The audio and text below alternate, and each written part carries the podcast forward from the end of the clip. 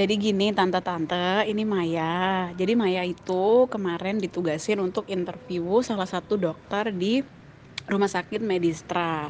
Jadi interview ini memang tujuannya untuk uh, laporan PBB untuk ke umum gitu. Nah, jadi uh, selama interview ini jadi aku ngobrol-ngobrol sama dokternya, aku bahas masalah corona lebih lanjut lagi, se seberapa bahaya karena kan berita yang keluar sekarang banyak yang simpang siur.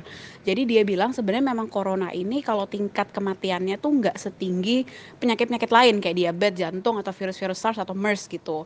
Cuman mungkin yang bikin ini orang panik karena ini virus baru dan juga virus ini tuh cepat banget nyebarnya. Jadi deket dikit sama orang yang kena penyakit corona tuh kita bisa kena juga gitu. Cuman ada beberapa langkah yang bisa kita uh, lakuin untuk pencegahan. Yang pasti pertama itu langkahnya sangat-sangat simpel. Jadi menjaga personal hygiene atau jaga kebersihan diri.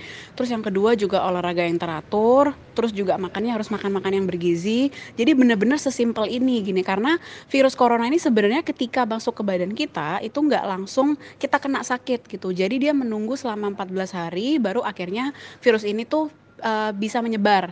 Nah, jadi selama 14 hari ini kalau sistem imun kita kuat, virus ini akan mati sendiri dan kita nggak akan jadi sakit gitu. Dia menganalogikan virus ini kayak seperti uh, bom yang dirakit sama teroris gitu. Jadi bayangin teroris masuk ke tubuh kita, nggak langsung ngelempar bom, tapi teroris ini tuh merakit dulu bomnya.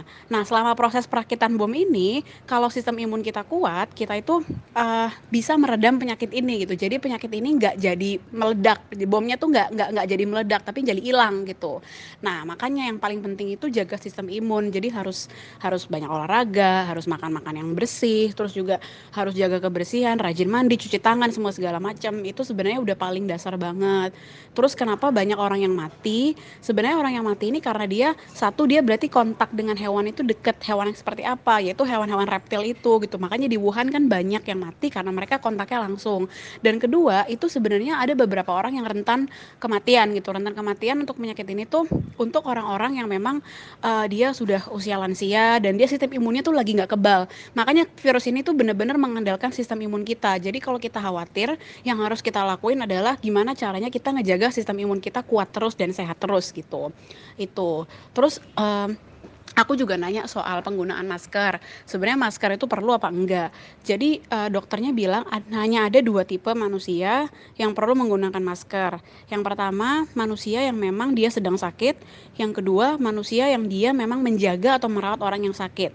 Selebih dari itu kalau kita ke tempat umum kita kan takut kadang-kadang apakah ada orang yang sakit apa enggak gitu. Nah caranya sebenarnya sah-sah aja kalau mau pakai masker. Cuman harus diperhatiin maskernya. Jadi bukan masker yang dijual pasaran. Jadi dia menyarankan menggunakan masker N95 yang putih itu. Kalau mau pakai masker, pakai masker itu. Kenapa? Karena masker yang di pasaran itu sebenarnya hanya 30% membunuh kuman. Jadi masker pasaran itu sebenarnya masker yang cocok untuk jaga debu, untuk orang yang punya asma, kayak gitu. Jadi nggak benar-benar membunuh virus. Yang bunuh virus itu masker N95 yang putih tadi itu. Terus um, aku juga ngobrol nanya, apa perbedaannya dengan flu karena kan semua penyakit tuh mirip gejalanya kayak flu ya kayak misalkan ya batuk ya pilek ya ya demam sumang semua segala macam dia bilang sih sebenarnya dokter belum bisa mengidentifikasikan bener-bener perbedaannya antara corona sama flu karena mirip banget. Cuman dia ngasih tahu uh, tanda-tanda bahaya itu terjadi ketika kita sesak nafas berhari-hari selama dua hari lebih pada saat malam itu udah harus langsung dicek dan demam kita tuh di atas 38 derajat itu udah harus udah harus langsung dicek. Selebihnya kalau kita kayak ada pilek, ada meler itu kemungkinan bukan corona karena corona itu cuma demam, batuk sama sesak nafas. Jadi kalau kita pilek, pusing itu kemungkinan kita flu. Jadi kalau kita batuk-batuk aja misalkan batuknya cuma berapa saat gitu itu juga belum tentu corona dan kemungkinan besar bukan corona yang batuk dibahas di sini tuh batuk-batuk kalau yang berlangsung lama dan parah banget kayak orang batuk darah gitu jadi itu baru harus langsung dicek.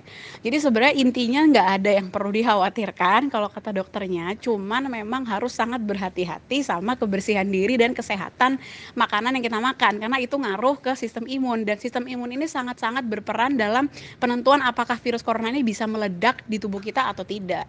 Begitu